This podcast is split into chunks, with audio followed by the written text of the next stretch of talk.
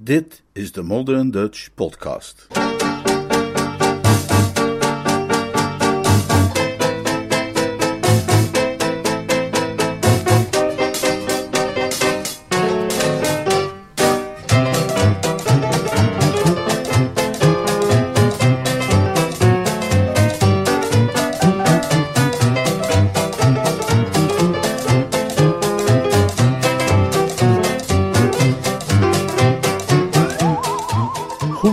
Jeeves. Door P.G. Woodhouse. De glanzend nieuwe Nederlandse versie van de roman Right Ho, Jeeves. Vertaald en voorgelezen door Leonard Beuger.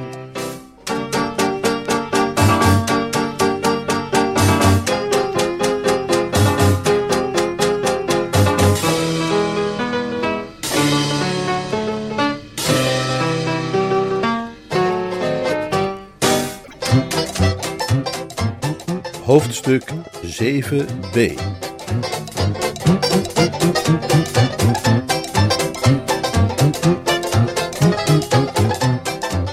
Korte inhoud van het voorafgaande. Bertie Woesters timide oude schoolkameraad Gussie is verliefd op de zoetsappige Madeleine Bassett, maar durft haar niet eens aan te spreken en heeft Jeeves om advies gevraagd.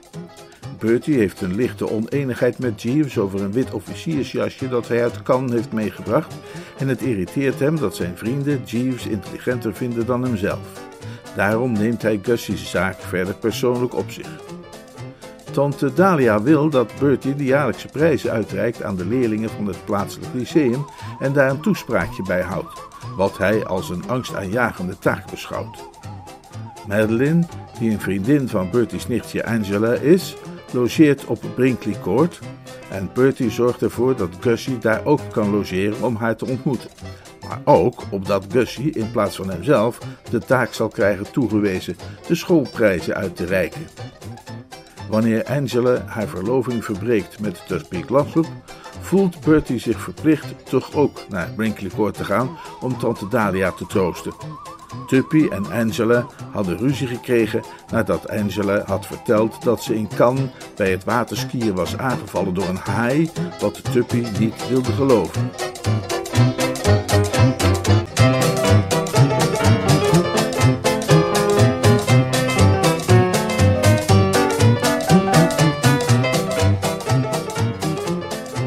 Ik herinner me het voorval heel levendig, zei ik. Maar hoe kwam daar dan ruzie van? Ze vertelde hem gisteravond dat verhaal. Ja, en? Met fonkelende ogen en haar vuistjes samengeknepen in meisjesachtige vervoering. Ja, dat wil ik geloven. Maar in plaats van te reageren met begrip en sympathie, zoals ze verdiende, wat denk je dat die verduivelde Glossop deed? Die luisterde naar haar verhaal met de expressie van een deegklomp, alsof ze iets over het weer vertelde. En toen ze uitgesproken was, nam hij zijn sigarettenpijpje uit zijn mond en zei: Het zal wel gewoon een drijvend stuk hout geweest zijn. Nee, toch? Ja, toch? En toen Angela beschreef hoe dat beest een keer gegaan was en naar haar had gebeten, haalde hij dat sigarettenpijpje opnieuw uit zijn mond en zei: Ach, waarschijnlijk een platvis. Volstrekt ongevaarlijk. Wilde waarschijnlijk alleen een beetje spelen. Nou ja, nou ja. Wat zou jij gedaan hebben als je Angela was? Ze heeft ook haar trots en alle fijngevoeligheid en kwetsbaarheid van een echte vrouw. Ze noemde hem een stommeling, een idioot en een achtelijke gek en zei dat hij gewoon niet wist waar hij het over had.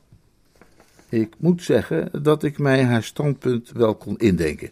Het gebeurt misschien maar één keer in een mensenleven dat iemand iets werkelijk sensationeels meemaakt, en als dat dan gebeurt, wil je niet dat een ander er alle sjeu van afhaalt.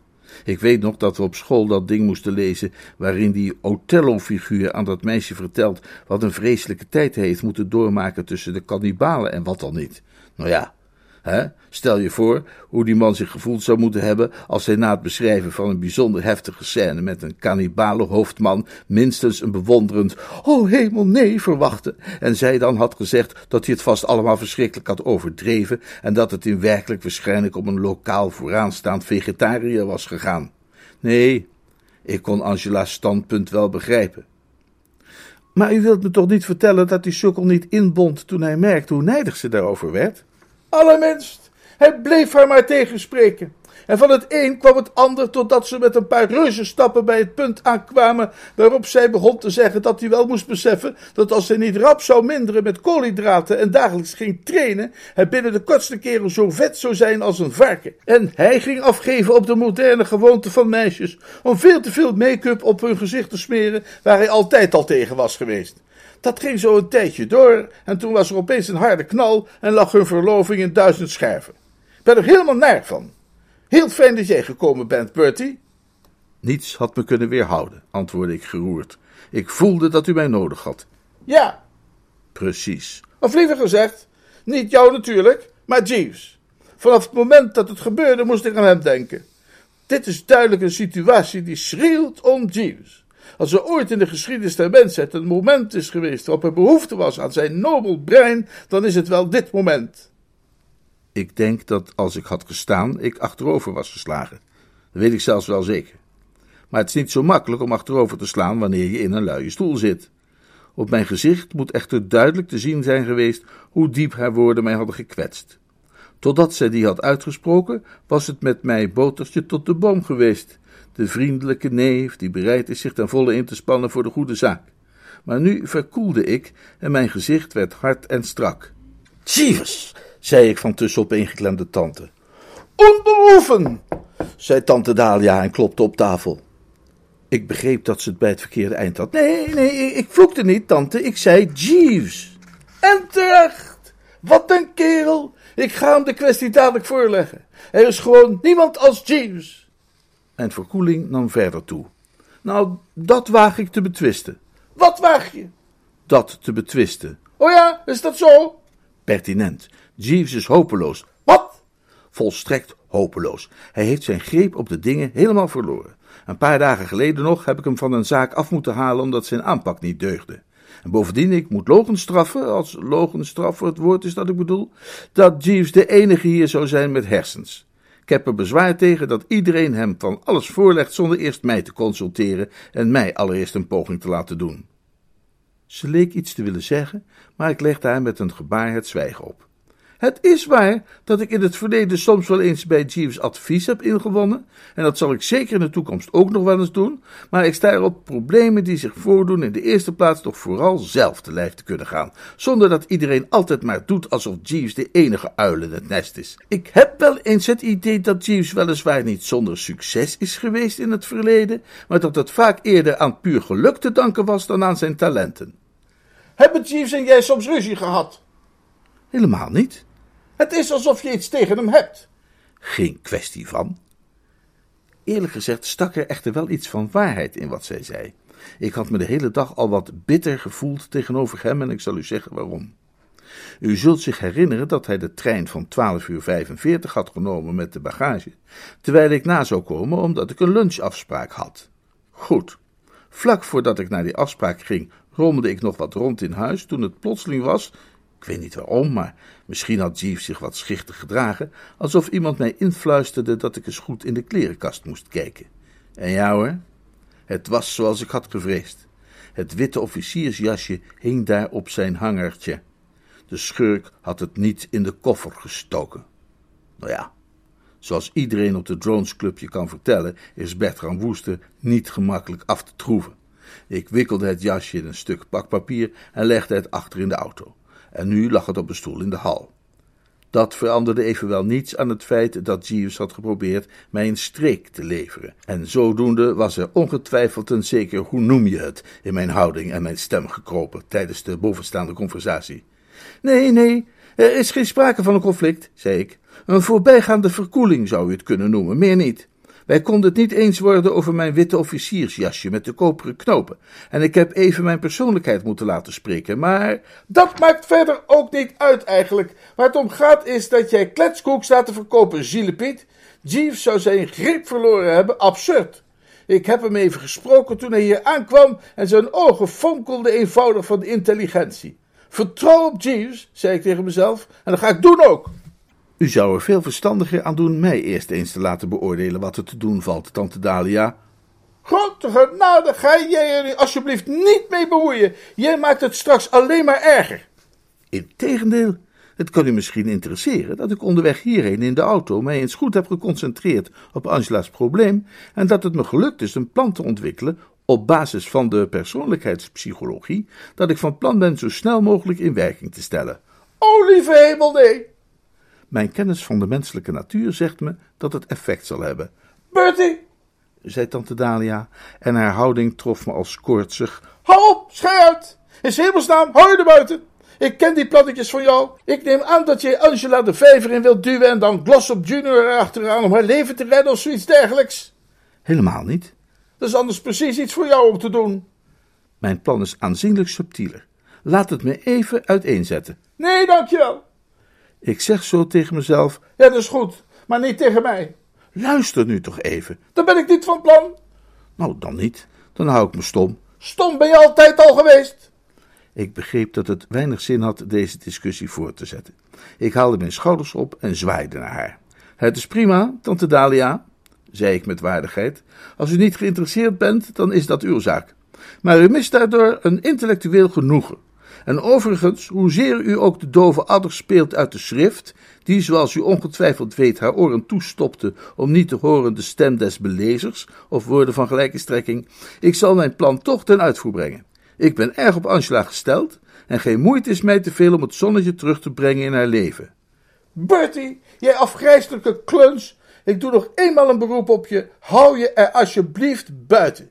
Jij maakt alles alleen maar tien keer erger dan het al is. Ik herinner me dat ik ooit eens in zo'n historische roman gelezen heb over een kerel, een echte dandy moet dat geweest zijn, een saletjonker of zo'n soort kwast, die, als iemand een verkeerde opmerking tegen hem maakte, alleen maar glimlachte, zijn ogen traag neersloeg en een stofkorreltje wegveegde van zijn smetloze manchette van Mechelse kant. Maar wat ik deed kwam daar praktisch op neer. Althans, ik trok mijn das recht en produceerde een van mijn ondoorgrondelijke glimlachjes. Vervolgens trok ik mij terug in de tuin voor een wandelingetje. De eerste die ik daar tegen het lijf liep was Tuppy. Zijn voorhoofd was vol rimpels en hij stond met een chagrijnig gezicht steentjes te gooien naar een bloempot.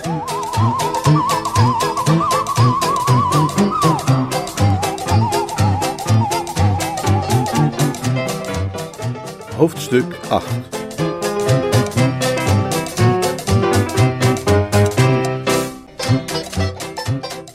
Volgens mij heb ik u al eens eerder verteld over Tappe Glossop.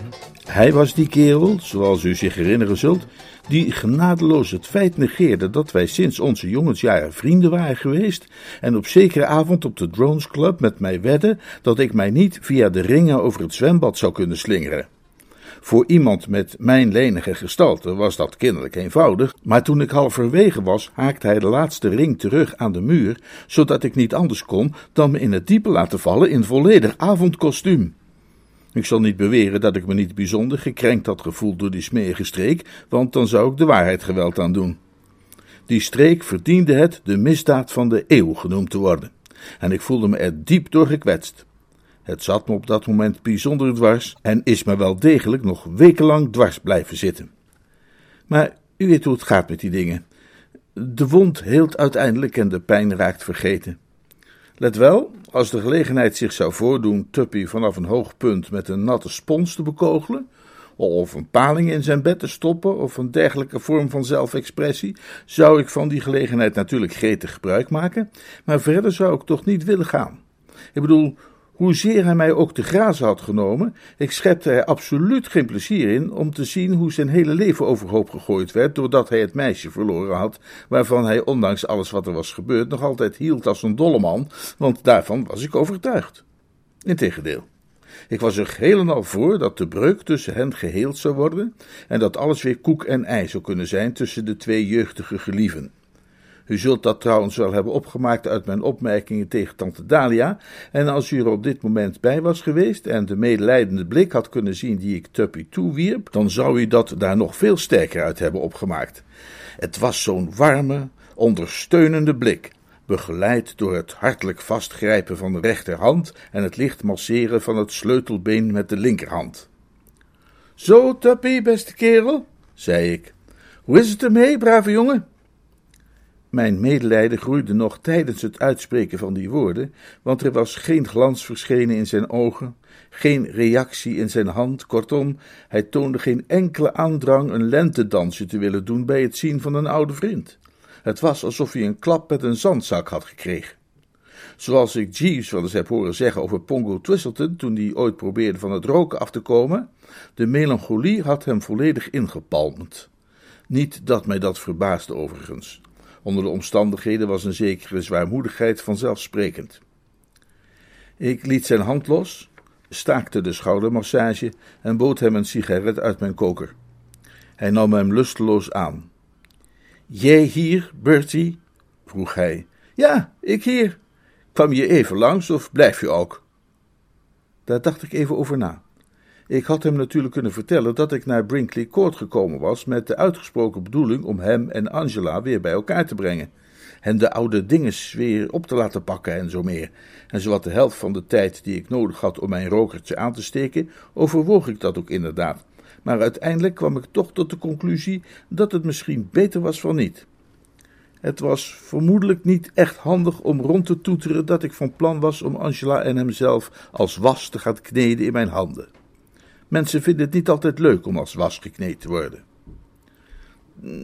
Dat hangt er vanaf, zei ik. Misschien blijf ik, eh, misschien ga ik weer vandoor.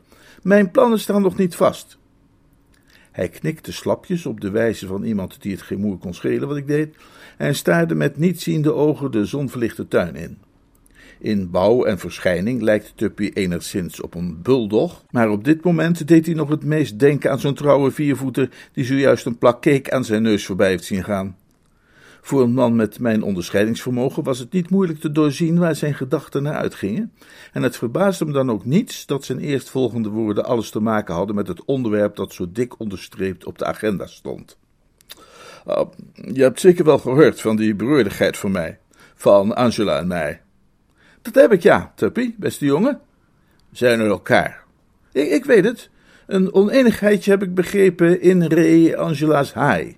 Ja, ik zei dat het een platvis geweest moest zijn. Aldus meldde mij ook mijn zegsvrouwen. Van wie heb je dat dan gehoord?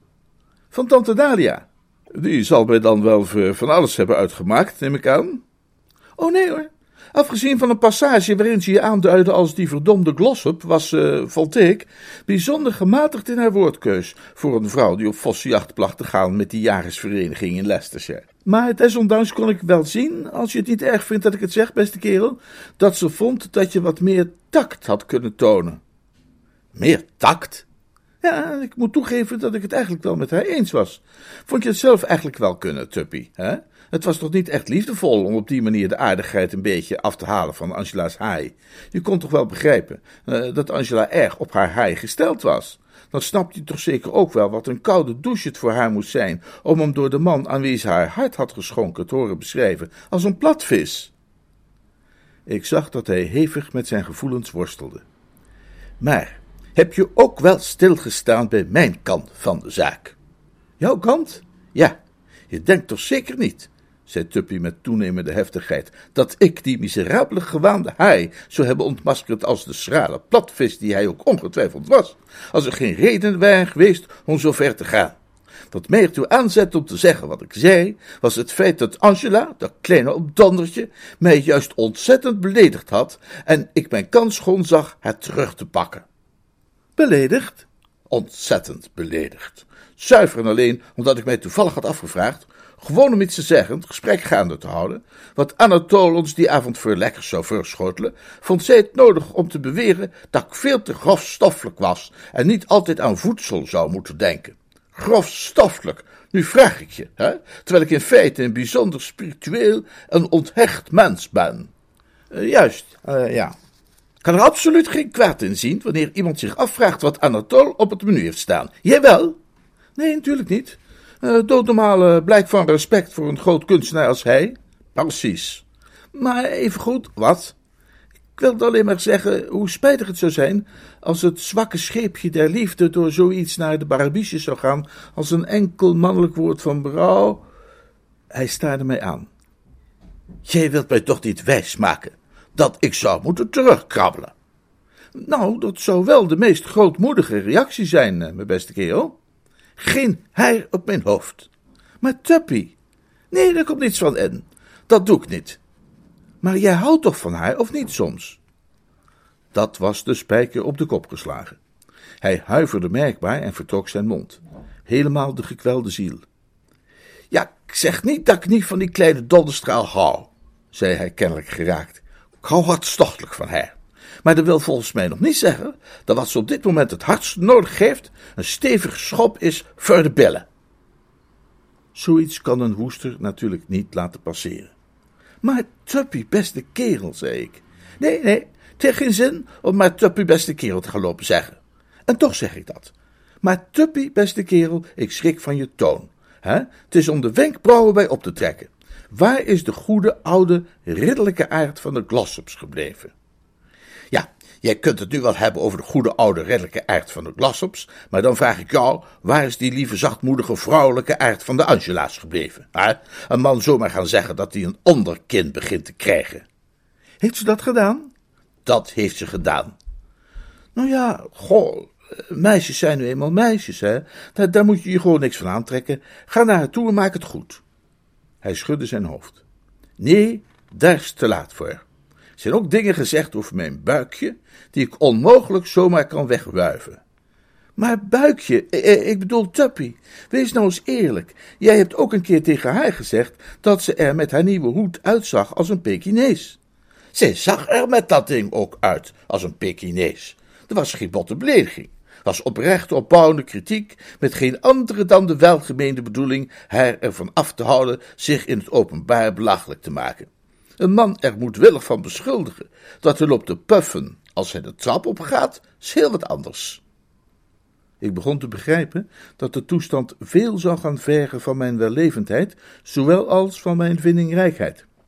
Wilden de huwelijksklokken ooit gaan luiden in het kerkje van Market Snodsbury, dan zou Bertram nog heel wat lastig en listig werk te verzetten hebben. Uit mijn gesprek met tante Dalia had ik al wel opgemaakt dat er behoorlijk wat openhartige observaties waren uitgewisseld tussen beide overlegpartners, maar dat een en ander zo ver was gegaan, had ik mij niet gerealiseerd. De dramatiek van al dit gedoe was me niet ontgaan. Tuppy had met zoveel woorden toegegeven dat de liefde nog altijd Glossops boezem kloppen deed, en ik wist zeker dat Angela, zelfs na alles wat er gebeurd was, nog altijd van hem hield. Ze zou hem dan wellicht op dit moment het liefst met een fles op zijn hoofd raken. Ik durfde te wedden dat zij diep van binnen nog steeds evenveel liefdevolle en tedere gevoelens voor hem koesterde. Niets anders dan gewonde trots hield deze twee uit elkaar. En ik was ervan overtuigd dat als Tuppy maar de eerste stap nam, alles wel weer goed zou komen. Ik deed nog een wilde poging. Die ruzie tussen jullie heeft haar hart gebroken, Tuppy. Hoe weet je dat? Heb je haar gesproken? Nee, maar dat durf ik gewoon te wedden. Dat zou je anders niet zeggen als jij ziet. Dat is een pose, gegarandeerd. Jeeves doet dat ook als ik probeer hem te laten zien wie de baas is. Ze trekt haar neus voor me op, alsof ik een defecte riolering was. Een pose. Ik weet zeker dat ze nog van je houdt en dat een vriendelijk woord van jou alles is dat ze horen wil. Ik kon zien dat dit hem had geraakt. Hij weifelde zichtbaar. Met de punt van zijn schoen woelde hij wat door het gras. En toen hij begon te spreken, was er duidelijk een trilling in zijn stem te horen. Uh, denk je dat heus? Absoluut. Hm, nou, hm. Als jij nu naar haar toe zou gaan. Hij schudde zijn hoofd. Nee, nee, daar kan ik echt niet aan beginnen. Dat zou fataal zijn. Dan verlies ik rang in één keer al mijn prestige. Ik weet hoe de meisjes zijn. Toen één keer je zwakte en zelfs de beste meisjes waren meteen brutaal. Hij peinsde even. Enige wat zou kunnen lukken, is dat ik haar op de een of andere indirecte manier duidelijk maak dat ik bereid ben tot overleg. Ik zou bijvoorbeeld eens kunnen zuchten als ik haar tegenkom. Vind je daarvan? Hm, dan zou ze misschien denken dat je weer loopt te puffen. Ja, dat is waar. Ik stak nog een sigaret op en dacht er nog eens goed over na. En ja hoor, zoals zo vaak het geval is bij ons woesters, ik kreeg al meteen een idee. Ik herinnerde me het advies dat ik Gussie gegeven had op het punt van worstjes en ham. Eh, ik heb het, Tuppy. Er is een onfeilbare methode om een meisje te laten weten dat je van haar houdt, en die werkt ook prima als je ruzie hebt gehad en je wilt het weer goed maken. Niet eten. Je diner laten staan vanavond. Je snapt wat voor een indruk dat zal maken. Ze weet dat jij dol bent op eten. Hij sprong woedend overeind. Ik ben helemaal niet dol op eten. Nee, nee, nee, nee. Ik ben absoluut niet dol op eten. Hoe kom je daarbij? Nee, nee, tuurlijk niet. Ik wilde alleen maar zeggen. Dat geleuter dat ik zo dol op eten zou zijn, dat moet nu maar eens afgelopen zijn, zei Tuppy nijdig. Ik ben jong en gezond, ik heb een stevige eetlust. Maar dat is heel wat anders dan dat ik zo dol zou zijn op eten. Ik bewonder Anatole als een kunstenaar in zijn vak en ik ben altijd bereid om te proeven van wat hij mij voorzet. Maar als iemand gaat beweren dat ik zo dol zou zijn op eten. Nee, tuurlijk, tuurlijk, tuurlijk. Alles wat ik wilde zeggen is dat als zij ziet dat jij je bord onaangeroerd van je afschuift, zij zich zou realiseren dat jij veel hartzeer hebt ten gevolge van de situatie. En dat zij dan waarschijnlijk de eerste zal zijn om de vredesbesprekingen te openen. Tuppy fronste bedenkelijk. Mijn bord onaangeroerd van mij afschuiven, hè? Ja, met een gerecht dat door Anatole is bereid. Ja, onaangeroerd van mij afschuiven. Ja, even voor de duidelijkheid, hè? Vanavond bij het diner, als de butler een riz de veau à la financière voor mij neerzet, of wat het dan toevallig zijn mag, vers toebereid door Anatole zelf, dan wil jij dat ik die onaangeroerd van mij afschuif. Ja, hij peet op zijn lip. De strijd die in hem omging was duidelijk te bespeuren. Maar plotseling kwam er een wonderlijke gloed over zijn gezicht. De martelaren uit de eerste eeuwen moeten er zo hebben uitgezien. Oké. Je gaat dat doen? Ja. Mooi. Het zal natuurlijk een hele kwelling zijn. Ik wees hem op de positieve kant van de zaak. Ja, maar niet al te lang. Als iedereen vannacht slaapt, kun je natuurlijk naar beneden sluipen om de provisiekast te plunderen. Hij klaarde op. Dat klopt, dat kan ik natuurlijk doen, toch? Ja, en daar ligt vast nog wel iets kouds om te eten. En of daar iets kouds te eten ligt, zei Tuppy met groeiend enthousiasme. Een rundvleespastei met niertjes. Daar hebben we bij de lunch van gegeten. Een van Anatole's toppers. Wat ik zo bewonder in die man, zei Tuppy met eerbied in zijn stem, is dat hij dan wel een Fransman mag zijn, maar dat hij zich anders dan veel van die chefs niet beperkt tot de Franse keuken. Hij is altijd bereid en in staat ook eenvoudige, doch voedzame, echt Engelse kost op tafel te zetten, zoals die rundvleespastei met niertjes waar ik het over had. Een meesterlijke pastei, Bertie. En daar was nog minstens de helft van over. Hm, daar kom ik prima mee toe. En tijdens het diner schuif je je bord weg, zoals afgesproken? Ja, helemaal zoals afgesproken. Mooi. Het is, het is een geweldig idee. Een van Jeeves' beste vondsten. Als je me ziet, zeg het maar dat ik hem erg dankbaar ben. Ik liet mijn sigaret uit mijn vingers vallen. Het was alsof iemand Bertram Woester in zijn gezicht geslagen had met een natte theedoek. Jij wilt toch zeker niet suggereren dat het Jeeves zou zijn die dit slimme plan voor jou heeft uitgedacht? Maar ja, natuurlijk wel. Mij hoef je niet voor de gek te houden hoor, Bertie. Jij zelf zou je geen honderdduizend jaar een dergelijk plannetje hebben kunnen bedenken. Het bleef even stil. Ik richtte mij in mijn volle lengte op. Maar toen ik zag dat hij niet naar me keek, liet ik mij weer inzakken. Kom, glas op, zei ik koeltjes.